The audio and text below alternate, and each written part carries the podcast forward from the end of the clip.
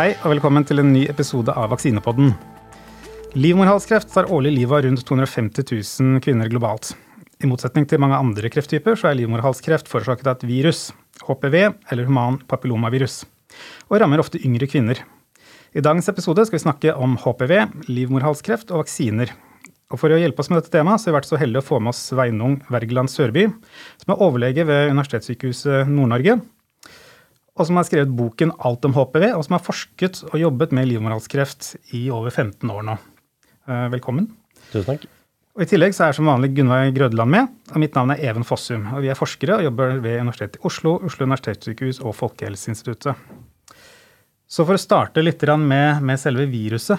Hva slags virus er egentlig humant papillomavirus? HPV er et DNA-virus som det finnes mange ulike typer av, faktisk mer enn 200 ulike typer. Noen av disse typene kan gi vorter på hender og føtter, noen kan gi kjønnsvorter i anogenitalområdet, mens andre typer kan da føre til celleforandringer og kreft. Nå snakker du om over 200 forskjellige typer HPV-virus, ikke DNA-virus, bare sånn at det er helt uh, krystallklart for de som uh, hører på oss. Mm. Uh, DNA-viruset det gjør dette viruset i utgangspunktet sånn relativt stabilt for endringer, sammenlignet med mange andre. Det stemmer, så vi antar at det er de samme typene som sirkulerer nå, som eh, sirkulerte under f.eks. Egypt og faraos tid, hvor man da kan gå i mumier og finne virus allerede den gangen. Hmm. Dette er uh, et virus som veldig heter humant papillomavirus. Men jeg så at dette òg kan finnes i masse dyr, til og med fisk, faktisk. Så det er et ganske gammelt virus, som du sier. Kommer tilbake fra egyptenes uh, høytid. Ja, og det er jo mange papillomavirus, men HPV, så har human papillomavirus, og det er artsspesifikt. Så de virustypene som rammer fisk og andre pattedyr, rammer ikke mennesker, og tilsvarende motsatt. Mm. Du nevnte at disse kan gi vorter altså ulike steder, bl.a. Altså hvor, hvor spesifikt er dette i forhold til sub altså typer med virus? Er det enkelte som bare gir vorter, f.eks. på Ja. Uh, for alle praktiske formål så er det noen som da rammer hel hud på hender og føtter. Uh, noen går på slimhud og gir da kjønnsvorter. Og så er det de da som gir uh, celleforandrende kreft. Så det er, det er, helt forskjellige typer som er årsak til ulike tilstandene. Mm. Mm, apropos det. jeg så at det var til og med et flertall av barn som er smitta av denne ene typen av HPV. Eh, fra tidlig barndom, disse betatypene, som visstnok kan smitte ved hudkontakt. Ja, altså Veldig mange barn i barnehage og på uh, småskole, førskole har jo typisk vorter på hender på et eller annet tidspunkt, og de forsvinner vanligvis av seg selv i løpet av noen måneder inntil to år. Mm. Det jeg så som var litt kult òg, eller jeg syns var kult. Fordi disse virusene som går på hud, uh, og stort sett er relativt ufarlige etter hva jeg skjønte, de har òg en eh, forkjærlighet for å feste seg til hårposer, og bruker det som eh, en inngangsport. Eh, og du kan faktisk teste ved å ta øyebrynshår hvilke HPV-virustyper du har av denne mer ufarlige. Jeg syns det var litt gøy, da. ja, sånn fun fact så er faktisk øyenbryn et av de stedene på kroppen vi har mest HPV. Mm. Du verden. Men det er da ikke de typer som gir selvfølgelig kreft. Nei, det er ja. to forskjellige typer. Disse er vel beta, som det er mange forskjellige typer av, og alfa gir kreft. Ja, først og fremst gruppen alfa, men ikke alle alfavirus. Det er jo noen typer som er mer dominerende enn andre der også. Mm. Vet man, sånn, Når man først har gått gjennom en sånn en av disse milde variantene, da man, får man immunitet som beskytter for livet? Eller altså, hvorfor er man da kanskje ikke plaget like mye etter hvert som man blir eldre? Altså, de, de, som gir vorter på hender og føtter, de kan man til en viss grad ha en viss immunitet mot etter hvert som har rammet flere ganger. Men det er jo mange ulike typer virus. Mm. Og eh, man kan få vorter på beina i voksen alder selv om man har hatt vorter som barn. Eh, så det gir ikke noen full immunitet. Og eh, når det gjelder da de som da gir eh, selvforandrende kreft i anogenitalområdet, så eh, regner man med at man i liten grad har god immunrespons, slik at man kan bli smittet av samme virus flere ganger. Mm. Apropos eh, smitte. Dette her er forholdsvis vanlig virus, er det ikke det? Jo, altså Hvis vi begrenser oss til de som smitter seksuelt, som er eh, vaginal, analt eller oralt samleie, eh, så regner man med at smitterisiko er rundt 10% per ny partner. Og eh, hvis man da ser på yngre mennesker som kanskje ikke har funnet eh, mann eller kvinne i sitt liv, så er, regner man med at rundt 30% av kvinner under 30 år har en pågående HPV-infeksjon da med høyrisiko HPV-typer i anogenitalområdet. Mens eh, ser man på det litt eldre, de som er 34 69 år, så er det rundt 6,5% som har en pågående infeksjon, og dermed en pose HPV-test hvis man da gjør en screening i forhold til livmorhalskreft. Mm. Men en pågående infeksjon betyr at du har en sånn aktiv eh, formering av eh, virus. Eh, men disse kan òg ligge latent, sånn at du kan ha de over tid uten at du faktisk har en pågående infeksjon. Ja, men, men, det vanligste er nok en persisterende infeksjon over tid. Eh, man har sett eksempler på latens og reaktivering av latent infeksjon. Men eh, veldig ofte, selv om man har normal celleprøve, så kan du ha en positiv HPV-test hvis man har testet. Men det er jo først eh, i nyere tid man har begynt å teste for HPV hos kvinner med livmorhalsprøve. Mm. Uh, man begynte i 2005 å teste de med usikre og uavklarte celleforandringer på celleprøve. Men det er først nå i det siste man har da begynt å teste alle kvinner da, mellom 34 og 69 år. Istedenfor celleprøve så skriver man med HPV-test. Mm. Mm. Det er jo mye mer spesifikt readout. Absolutt. Ja, og eh, man kan da være litt i forkant, for du har jo viruset først før du får celleforandring og kreft. Og man oppdager virusinfeksjonen lenge før man får høygrad celleforandringer. Så man kan følge opp disse kvinnene mye tettere. Så har du positiv test, skal det gjerne følges hvert eneste år. Men så har du negativ test, så kan du vente fem år til neste screeningrunde. Mm. Er det noe, altså Hvis man da først blir smittet her, eh, merker man noe til det? Altså, Selvfølgelig de virustyper som gir synlige vorter på hender og føtter, de, da kan man jo se vorten hvis man har den. Men man kan også ha virus i hud uten å ha en synlig vorte. Og det samme også med kjønnsvorter. Men det, det, som er skummelt, er jo de som gir celleforandringer og kreft uten noen symptomer i det hele tatt. Mm. Og eh, det er jo derfor eh, dette med celleprøve og screening er så viktig. Fordi forstadien gir ingen symptomer før det gir kreft. Og hvis du har en symptomgivende kreftsykdom, så har den ofte kommet ganske langt. Så hensikten med livmorhalsprogrammet er å oppdage forstadier som kan behandles før utvikling av kreft. Mm.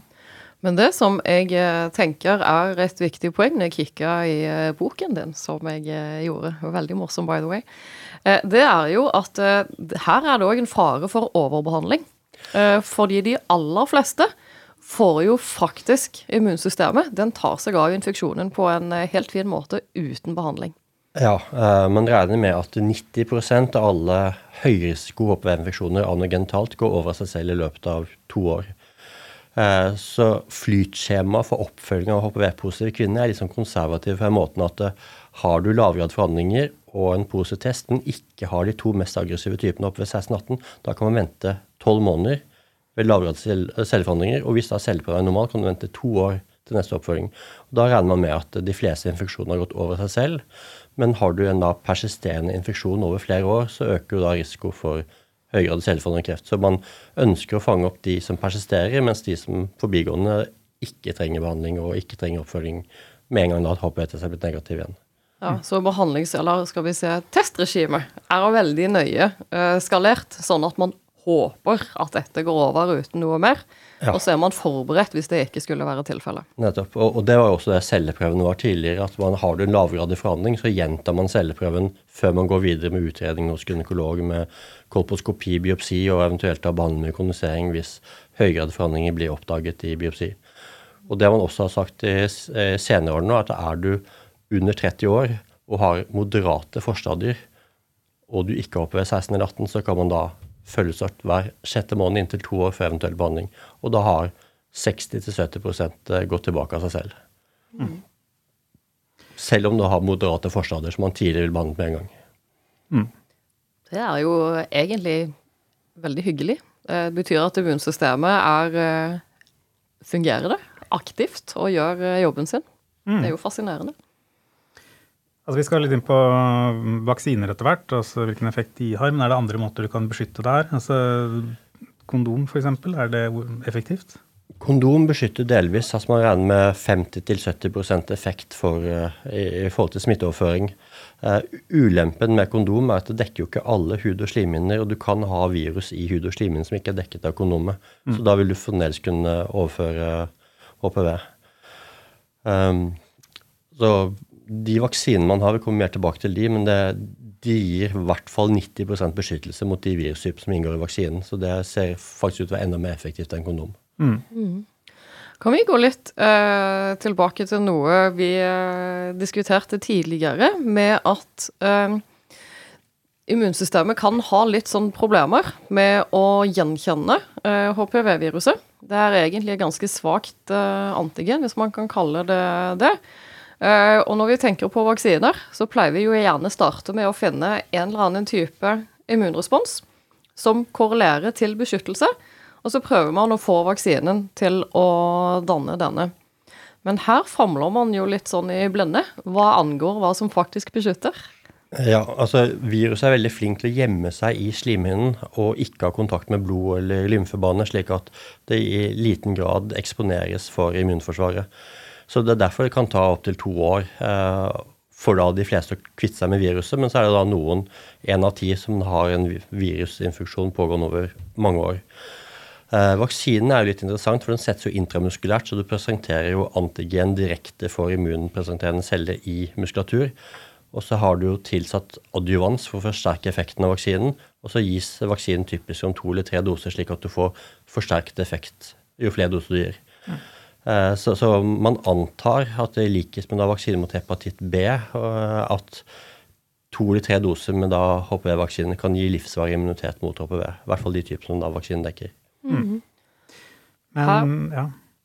her, er det òg litt interessant eh, hva man legger i eh, beskyttelse. Eh, fordi det tenker man ofte når det gjelder vaksinering, er mot smitte. Eh, og det er jo overhodet ikke tilfellet med eh, disse vaksinene, hvor målet snarere er unngå utvikling til kreftforstadiene. Og det impliserer igjen at nøytraliserende antistoffer, som ofte er noe av det første du måler etter vaksinering, fordi det er superlett, du går i blodet og finner Eh, det er ehm, ikke eh, relatert til beskyttelse. Sannhet med modifikasjoner. Men det er i hvert fall ikke den eneste uh, forklaringen. Nei, og, som du sier, det er ikke så relevant lenger hvilket nivå av antistoffer du har, så lenge du ikke får selvforandring og kreft. Altså, så lenge vaksinen virker, seg fornøyde. Mm. Uh, og vi har jo nå studier med 14 års oppfølging som viser at selv om da nivået av antistoffer er litt lavere etter hvert, så er det ingen som får da gjennombrudd av selvforandring forårsaket av de typene av av vaksinen. Så det er veldig lovende resultater. Mm. Men altså, vaksinen består jo av dette skallet til viruset. Så du vil jo tro at da har du tilstrekkelig med antistoffer her, som da kan på en måte dekke denne overflaten. Så vil man jo også hindre infeksjon til en viss grad. Det, det er faktisk gjort noen dyrestudier med det som jeg eh, leste, eh, hvor du eh, tar og så gir antistoff, bare antistoff, til dyr og ser om det så klarer å hindre smitte. Eh, og de ser faktisk at antistoffene klarer alene i dyremodeller å hindre utvikling til kreftforstadiene. Mm. Men det er trolig ikke den eneste mekanismen, selv om det selvsagt er ganske lovende. Men apropos, sånn har vi vært inne på, hvis man først er smittet, altså disse vaksinene som vi har vært inne på, de, de gis jo, jo, flere ganger, og da gjerne sånn før man da skal ha blitt eksponert. Um, er, det, er det noe terapeutisk effekt av disse vaksinene? Kan man uh, få noe beskyttelse etter at man er smitta? Altså, Vaksinen hindrer jo nye virus å gå inn i nye celler, uh, men vaksinen får ikke et virus som er inni en celle, komme ut igjen. Eh, men når du har en pågående infeksjon, så vil jo dine egne celler lage nye virus. Og hvis du da hele tiden dekker disse nye viruspartiklene med antistoffer, så vil du på en måte hindre disse virusene å spre seg i større deler av slimhinnen eller andre slimhinner.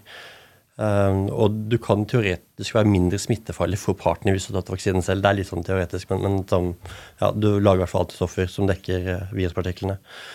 Uh, det man har sett, er at f.eks.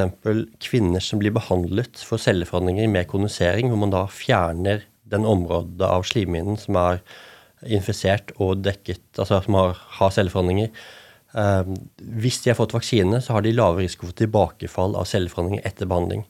Så selv om da vaksinen sånn, i studiene, i hvert fall på kort sikt, ikke har vist seg å ha terapeutisk effekt, så ser det ut som det er gunstige effekter likevel. Både å gi vaksinen til de som har celleforandringer, gi vaksinen til de som har en pågående infeksjon. Eh, og da for å smitte, altså redusere risiko for resmitte av partner er jo også en mm. mekanisme. Mm. Og Det underbygges jo ved at antistoffene alene ikke gjør jobben, at T-celler og andre faktorer òg spiller inn her, som vil kunne være relevante potensielt sett i noen scenarioer, og etter uh, smitte. Og så kan man tenke seg at i de tilfeller hvor det foreligger en latent infeksjon, hvis da vaksinen kan hindre reaktivering av en latent infeksjon, vil de også ha effekt av mot de som har vært smittet for lenge siden. Mm. Mm. Absolutt. Jeg vil kanskje si litt mer om selve vaksinene. For det er jo flere ulike HPV-vaksiner på markedet. Der den, den, som tilbys da til 7.-klassing, er den Cervarix-vaksinen som består av da HPV 16 og 18. Ja. Men så har du i tillegg disse Gardrasil-vaksinene, som man eventuelt kan kjøpe. og de, de, er satt sammen av flere varianter. ikke sant? Den vaksinen som ble tatt i bruk først i Norge, var den gamle Gardasil-vaksinen med fire typer. Den dekker da HPV 6 og 11 som er årsak til kjønnsvorter, og så 16-18 som er årsak til selvforandring og kreft. Eh, så går dette på anbud. Eh, sånn at det som da Altså, jeg tror den gamle Gardasil-vaksinen vant anbudet to ganger på rad, og så vant Cervix anbudet to ganger på rad, og så er det nytt anbud nå i 2025. Eh, det som har skjedd i ettertid, er at det har kommet en ny Gardasil-vaksine som dekker flere typer, som da heter Gardasil 9, som da har ni typer. Eh, og man tenker seg jo at eh, en vaksine mot ni typer gir en bredere beskyttelse enn den som bare dekker to typer.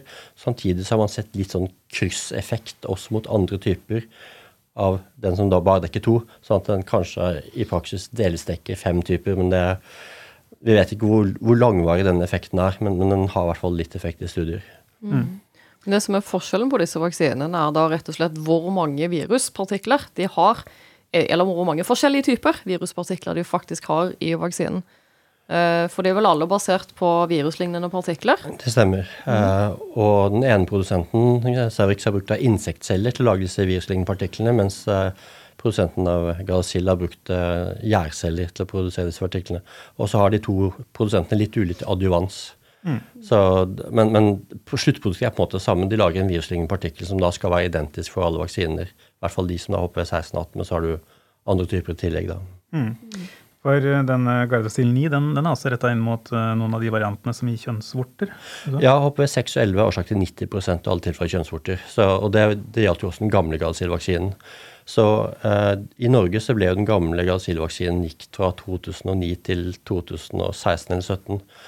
Eh, og man ser faktisk betydelig reduksjon i salg av legemiddel mot kjønnsvorter. hvis man går inn på statistikken for apotek. Så da, den vaksinen har hatt effekt i Norge. Så har man nå byttet til den vaksinen som da ikke beskytter mot kjønnsvorter. Men heldigvis har ikke tallene steget enda, så vi får mm. krysse fingrene og håpe at effekten holder seg lenge. Nå vaksinerer man stort sett eh, relativt unge jenter med disse vaksinene. Vil det være en forskjell på hvilken vaksine man burde velge, hvis man nå gikk over til å begynne å vaksinere gutter? Har man forskjellige interesser der blant disse tre, eller spiller det liten rolle? Jeg kan si Verken jenter eller gutter liker kjønnsvorter. Eh, men eh, nå får jo både gutter og jenter i 7. klasse denne vaksinen som dekker HPV 16 og 18. Eh, det startet man med i 2018, i kjønnsnøytral vaksinasjon i Norge. Og for menn er jo faktisk HPV type 16 den som er årsak til flest tilfeller av munn- og halskreft og peniskreft og analkreft. Så for menn er det ikke så viktig å dekke av mange typer med tanke på andre typer kreft enn da kvinner som da hvor det er flere flere HPV-typer som årsak til livmorskreft. Men for andre typer kreft er det HPV-16 som dominerer. Mm. Men det mest naturlige er jo samme vaksine til begge kjønn, slik at du får flokkimmunitet og hindrer at virus kan sirkulere i befolkningen. For da har du 80 vaksinedekning hos begge kjønn, så kan du utrydde HPV-vaksinerte årskull. Det er jo veldig bra at de ikke-vaksinerte da er indirekte beskyttet. Ja, det er jo veldig bra. Nå gis jo denne vaksine til, eh, til yngre, som vi om, altså både gutter og jenter, altså i, i 7. klasse. Uh, og man kan vel også ta, selvfølgelig velge å ta vaksinen senere, hvis man ikke er såpass gammel at man ikke har fått dette tilbudet. Uh, men når er det, altså hvem er det som kanskje bør vaksinere seg? Altså F.eks. vi som da er i midten av 40-årene, og gift og ja, vært i stabile forhold lenge. Er det noe særlig poeng at vi tar en HPV-vaksine nå? Så vaksinen har jo først effekt, eh, fremst effekt mot senere smitte. Eh, så er man singel og drar ut på byen og møter nye mennesker, så er jo smitterisiko 10 på en ny partner. Så da har du veldig stor nytte av vaksine. Um, kunnskapssenteret hadde noen kunnskapsoppsummering i forhold til gratis vaksine til kvinner opp til 26 år. De beregnet at dette var sam samfunnsøkonomisk kostnadseffektivt. Så i perioden 2016 til 2019 så fikk jo da kvinner som er født 91 til 96 tilbud om gratis vaksine. Og rundt sånn 60-70% takket ja. Men en del av de var jo smittet allerede, så man må jo da følge de opp så lenge de har positiv HPV-test. Men eh, man ser jo da nedgang i nye infeksjoner og nye celleforandringer i ettertid, da, hvis man da hånd om de som hadde en pågående infeksjon. Mm. Men når det gjelder stabile parforhold i 40-50 års alder, uh, så må det først og fremst være med tanke på reaktivering av latent infeksjon og det er jo selvfølgelig ting som skjer. da, Julebord, ny sekretær på jobb, altså det ny postmann. altså Det er mange varianter der. Eh, så eh, vi ser jo at ved HPV-test-screening, av de som da har negativ test, så vil 4% ha positiv test ved neste screeningrunde. Mm. Og noe av dette er nysmitte, eh, noe er reaktivering av latent infeksjon, og noe skyldes rett og slett at virusnivået lå under cutover-testen ved forrige screening. Mm.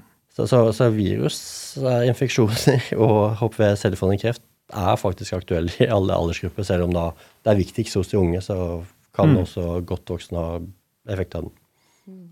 Litt tilbake til den sekretæren på jobb og endringer i seksualatferd etter at man egentlig kanskje ikke burde drive med sånt lenger. Eh, det er jo eh, Du bare ler, du. Kanonformulert. Eh, det er sånn at hvis man faktisk plutselig får detektert en HPV-infeksjon, bør da partner etter 10-20 år gå ut ifra at det har vært en type sekretær eller lignende? Eller er det òg innenfor denne latensperioden? Nei, altså, det viktigste, Den vanligste mekanismen er jo faktisk persistens. At man har hatt viruset hele tiden og ville at pose oppvetes hele tiden. Og selv om celleprøver har vært normale, så kan man ha en pågående HPV-infeksjon uten å vite om det.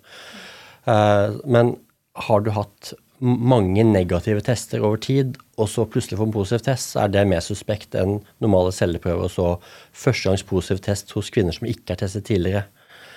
Eh, men det er jo ikke noen utroskapstest. altså Det beviser ingenting. Eh, hun har hatt en latent infeksjon, han har hatt en latent infeksjon.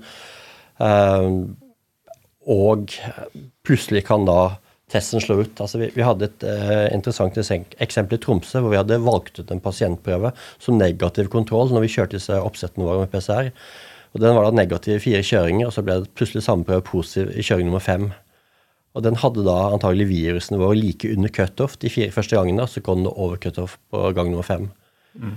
Så vi måtte rett og slett ta kontakt med denne kvinnen på nytt og levere en ny prøve etter et år for å se om dette var en eh, infeksjon over tid, eller om det var en forbigående infeksjon. Mm. Mm. Et annet moment når du tar og inkluderer eh, immunitet, eh, som vi vender på mot både variant 16 og 18, i eh, vaksinene. Det var 16 og 18, sant? De mest aggressive. Årsak til 70 av alle tilfeller livmorskreft, så de er helt klart viktigst. Yep. Når du får immunitet eh, mot de, så er det jo sånn at eh, immunsystemet eller eh, virusene driver og leter etter strategier for å unngå våre immunresponser. Eh, så det har vært noen spekulasjoner knytta til om du da øker sannsynligheten for at andre krefttyper, nei, unnskyld, andre HPV-typer vil ta også blomstre opp i stedet og ta over plassen til eh, nummer 16 og 17 som dominante hva angår eh, kreftutvikling. Men vi var jo inne på at dette er ganske stabile DNA-virus, så sannsynligheten er vel kanskje ikke den høyeste? Nei, og man har jo sett i studier at du har en viss krysseffekt også av disse antistoffene. At uh, i tillegg til å binde 16-18, så har de delvis effekt f.eks. mot HPV 31, 33, 45. Så uh, altså type replacement er jo en uh, frykt. Men, men uh, det er også at disse virusene konkurrerer ikke med hverandre. Det er ikke sånn at du øker virulensen av andre typer hvis HPV1618 forsvinner. Du kan ha fem typer en gang, og de bryr seg ikke om hverandre. og De kan lage fem forskjellige celleforandringer i livmåsen samtidig. Så altså, det er det, Ja. Um, Den tar vi da ganske pent og mm, legger død. Ja. Du var jo inne på at eh, disse HPV-vaksinene eh, er svært effektive og til å redusere eh, i hvert fall forstadier så langt. Men når forventer man egentlig å se, altså hvilken effekt forventer vi å se framover? Kan vi begynne å se noe av det nå? At det faktisk er reduksjon i forekomst av livmorhalskreft? Ja, man har jo sett at f.eks. Australia, som startet i 2007, må da gi vaksine til 70% av alle mellom 12 og 26 år. Eh, der ser man nå reduksjonen i livmorskreft hos kvinner under 30 år. Eh, man har sett eh, noen tall fra Sverige som startet litt før oss med å gi HPV-vaksine til flere årskull. I Norge så var det jo først og fremst da jenter i 7. klasse i 2009, og de blir jo ikke 25 før nå i løpet av 2022 og inngår i livmorsprogrammet for første gang. Og peak for livmorskreft i Norge ligger rundt 35 39 år. Så vi er faktisk først oppe i 2037 eller 2039 før man virkelig vil se reduksjon i Norge. Men da snakker man om virkelig solid reduksjon. altså Nå er det rundt 300 tilfeller livmorskreft per år, og i 2039 så viser modellberegninger at vi kommer under 100 tilfeller per år. Mm. Så det er en god begynnelse. Det er en veldig god begynnelse. Men dette screeningprogrammet det kommer fortsatt til å gå som vil på en måte være ryggraden i, i behandlingen og på en måte overvåkningen av, av livmorhalskreft fremover? Ja, enn så lenge så har vi faktisk anbefalt at 25 år gamle jenter, selv om de har tatt vaksine, så skal de møte til screening. men det kan faktisk snu i løpet av kort tid, fordi at eh, vi ser jo nedgang hos de yngste nå. Og spesielt av kvinner under 25 år, så er det mange færre celleforandringer nå enn før. Eh, men vaksinen som ble gitt da i 2009, dekker da to høyreskotyper som årsak til 70% av kreft. Så vi må jo fremdeles skrine for de andre 30 -ene. mm. Men med en da vaksine som dekker ni typer, som da kan gi 90% reduksjon i kreft Hvis antall tilfeller livmorskreft i Norge går fra 300 per år til 30 per år, så er det ingen vits å opprettholde et kinoprogram. Mm. Det vil jo være en fordel for oss alle hvis vi slipper de. Men det er noen år frem til da. da. Det er noen år frem òg. Inntil da mm. får vi jo bare gjøre det. Mm, så, så livmorhalsprogrammet kommer til å ja, fortsette en god del fremover, sannsynligvis. Men bare for å gå litt inn på det, altså hva er det man egentlig gjør? Altså hva er det som gjøres når man tar en celleprøve? Du snakker om eh, celleforandringer. Hva er det man egentlig ser etter? Altså Tradisjonelt sett så har jo screeningprogrammet i Norge, altså livmorhalsprogrammet, blitt basert på celleprøver. Man tar da en børsteprøve fra livmorhalsen som da enten strykes ut på glass og sprayfikseres, eller røres ut et medium og sender inn hele mediet til undersøkelse, hvor man da har en maskin på analyselaboratoriet som høster celler fra mediet og legger det på et glass og farger, sånn at det kan undersøkes i mikroskop. Og en sånn celleprøve kan inneholde mellom 15 og 30 000 celler, hvor de aller fleste vil være normale, men hos noen kvinner så vil det være unormale celler innimellom alle de normale. Så eh, her er det en person som går gjennom alle 30 000 celler i mikroskop. Det kan ta 10-15, kanskje 20 minutter å gå gjennom en hel prøve. Hver screener, som en bioingeniør som er utdannet i vurdering av disse celleprøvene, kan da skrine 30-35 prøver per dag. Og det blir da tatt 400 000 slike prøver per år i Norge. Så det er ganske stor jobb. Og hvis da denne bioingeniøren, denne screeneren, finner unormale celler, så merkes de av på dette glasset med tusj. Det setter en ring rundt området med celleforandringer og sender det inn til en patolog for da bekreftelse at dette er ting som bør følges opp. Og man kan også da ta en HPV-test i tillegg for å da få støtte for de celleforandringene man ser, og hvordan da kvinnen skal følges opp videre. Mm. Så dette er da celleprøver. og Mener man da det er grunn til utredning, så går man da henvises kvinnen til gynekolog for kolposkopi og biopsi, hvor man da undersøker livmorhalsen og tar en vevsprøve fra området hvor det ser ut som det er mest celleforandringer. Og så blir den sendt inn til patolog, som da undersøkes i mikroskop, og bekreftes da høyere forstadier. Så er jo behandling kondisering, hvor da området med celleforandringer opereres bort. Mm. Så det er et lite kirurgisk inngrep. Man fjerner kanskje bare to eller tre gram vev, men man får da med hele området med celleforandringer og sørger for å ha litt frisk slimhinne rundt, slik at man har en sikkerhetsmargin på å fjerne alt. Mm. Og selv om man er behandlet, så må man følges opp med ny celleprøve og HPV-test inntil da celleprøven er normal og HPV-test negativ. Så er man good to go. Mm. Men det er her man nå har også begynt å altså, gjøre visse endringer, der man først kjører en HPV-test, er det det? det ja, nei, Litt av utfordringen med disse celleprøvene er at det er jo subjektivt. Fordi det er jo mange gråsoner mellom normalt og ikke normalt. Og du kan ha mange ting. altså Du kan ha soppinfeksjon, du kan ha bakterieinfeksjon, du kan ha andre ting som gjør at cellene blir forandret. Selv om ikke dette er celleforandring som fører til kreft, så kan det være ting som gjør at du får en viss sånn uro i cellebildet, og du kan tro at det er noe unormalt, selv om dette er da normale reaktive forandringer på da sopp eller bakterier. Eh, så får man en slik prøve, så bør man bruke HPV-test for å avklare. Eh, det som er nytt nå, er at kvinner i alderen 34 69 år istedenfor å starte med denne vurderingen i mikroskop av celleprøven, så blir den samme prøvemediet sendt rett til HPV-testing. Og er den da negativ, så slipper du å undersøke prøvende i mikroskop, og kvinnen kan vente fem år til neste gang. Er den positiv, så blir cellene undersøkt i mikroskop for å da kartlegge om kvinnen må utredes med en gang, eller kan vente ett år eller to år, avhengig av da virustype og grad av celleforandringer. Mm. Den spesifikke testen, er det PCR, eller er det noe annet? Eh, de fleste HPV-tester i Norge gjøres med PCR-analyse. Eh, det finnes også NASPA-teknologi og MRNA-analyse, men den, det som er godkjent godkjenne screening på i Norge, er en PCR-basert DNA-test. Det er jo òg litt mindre ressurskrevende enn å sitte og lese av alle disse cellene manuelt i et mikroskop. Ja, så eh, behovet for screener, altså antall eh, bioingeniører som da må sitte dag ut og dag inn og se på normale celleprøver, stort sett, det, det, reduseres jo når man da bare bør se på de prøvene hvor du har positiv test. Mm. Og da hos kvinner i alderen 34-69 så utgjør det 6,5 av alle prøvene, så det er jo en betydelig reduksjon. Mm. Mm. Noen teknologiske framskritt er der. Mm. Men uh, ja, ikke sant. Men det er foreløpig kun de eldste, hvis man sier, altså fra 34 oppover. Ja. Så for, for, yngre enn det, så der, der er andelen såpass, eller HPV-positiv såpass høyt at man fortsatt går for celle, altså utstryking eller ja. celleprøve direkte, eller? Uh, I Norge per i dag, uh, det er ikke sikkert den sånn den var så lenge, men de som er 25 33 år, der har man ansett at celleprøve, som da er mer spesifikk, men da dessverre mindre sensitiv enn HPV-test, uh, eh, er best egnet for du får færre kvinner å følge opp. Når 30% av kvinner under 30 år har en positiv test, så blir det veldig mange som skal følges opp med da årlige kontroller. Mm. Mens da unge kvinner med normal celleprøve kan da vente tre år til neste gang. Mm. Uh, men man ser faktisk i Sverige og Danmark nå at trenden er HPV-testing også hos de yngste. Og man hadde jo håpet at HPV-vaksiner ville redusere antall HPV-positive. Men selv om du tar bort HPV 16-18, når du tester for 14 typer, så utgjør det kanskje bare 25% av alle positive test, så du har likevel mange positive selv om du er vaksinert mot 16-18. Mm.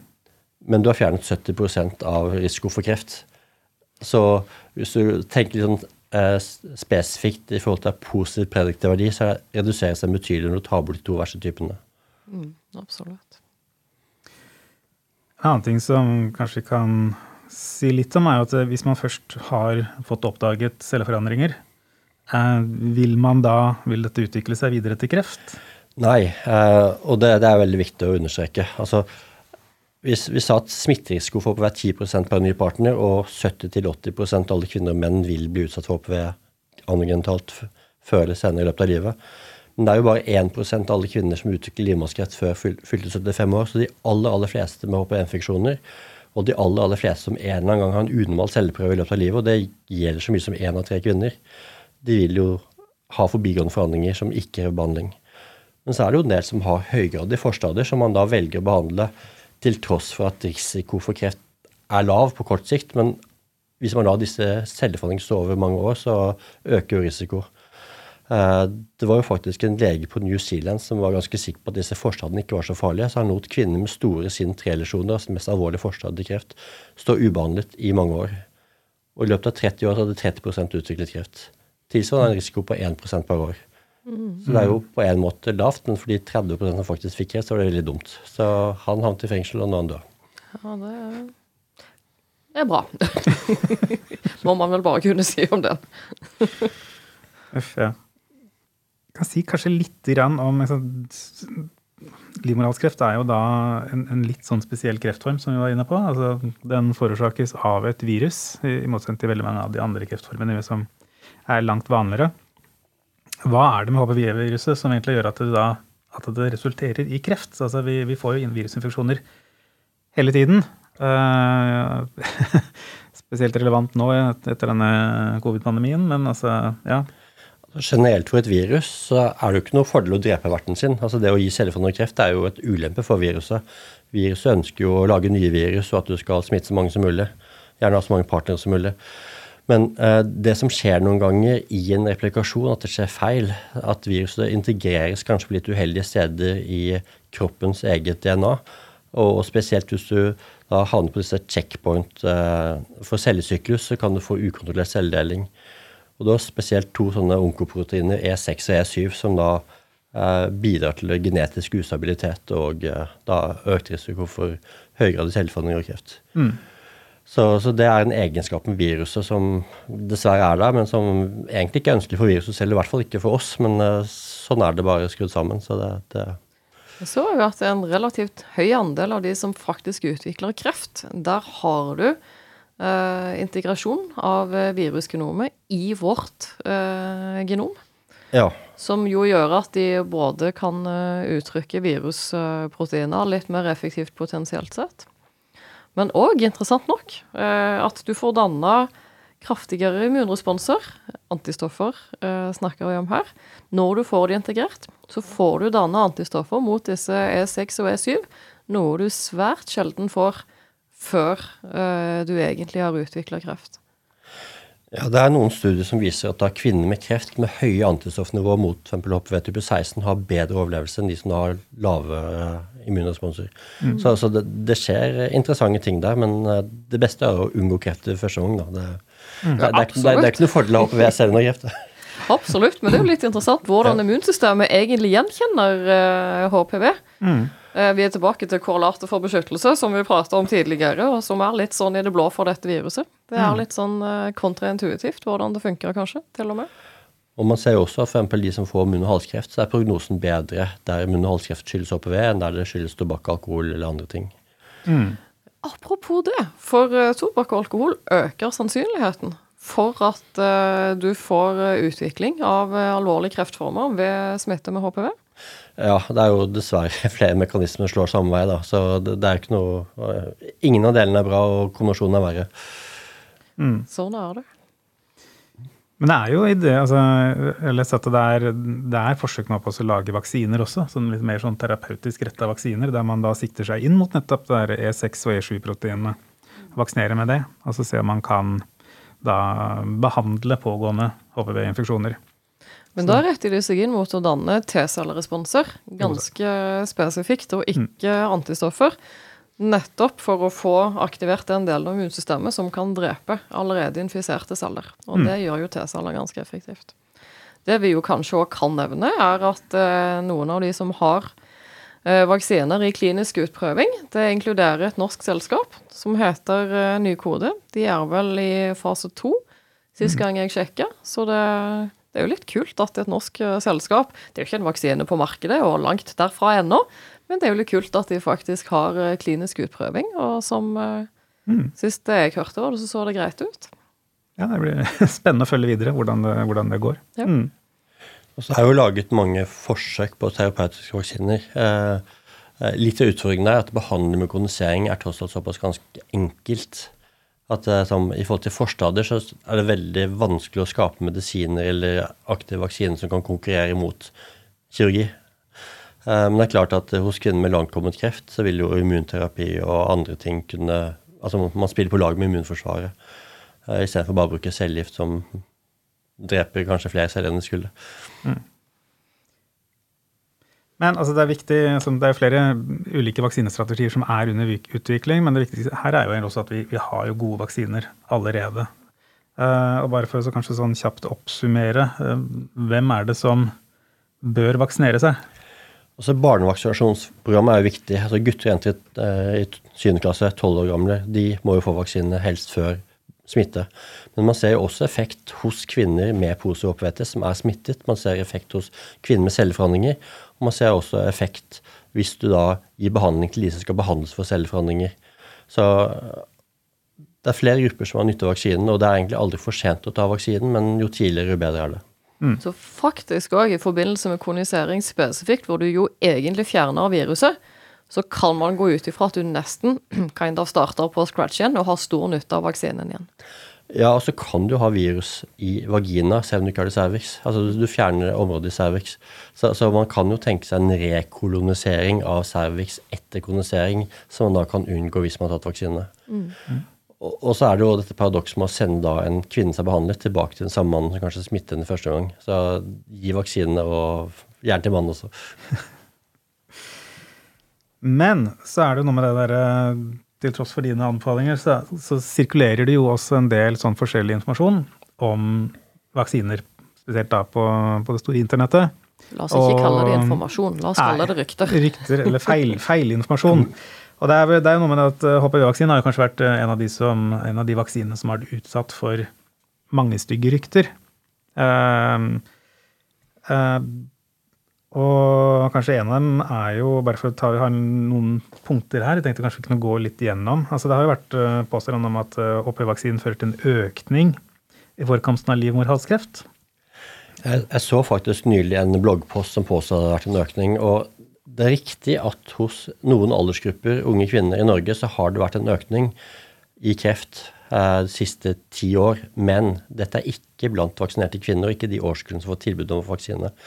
Så den økningen så man da egentlig før eh, introduksjonen eller altså, av vaksinene. Eh, det er faktisk snarere tvert imot at man ser reduksjon i både forstadier og kreft hos de som har fått vaksine. Så det er et helt grunnløst påstand. En annen ting som man kan se, er det sånn typisk som kanskje dukker opp med andre ting enn HPV-vaksinen også, men det er dette med sånn fertilitetsproblemer, at uh, man blir steril.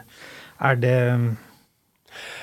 Altså det har jo Noen tror at i og med dette er en vaksine som skal beskytte mot en gynekologisk kreft, så kan vaksinen forårsake andre gynekologiske problemer, sånn som da infertilitet og menstruasjonsforstyrrelser og uh, ja, mange slike ting.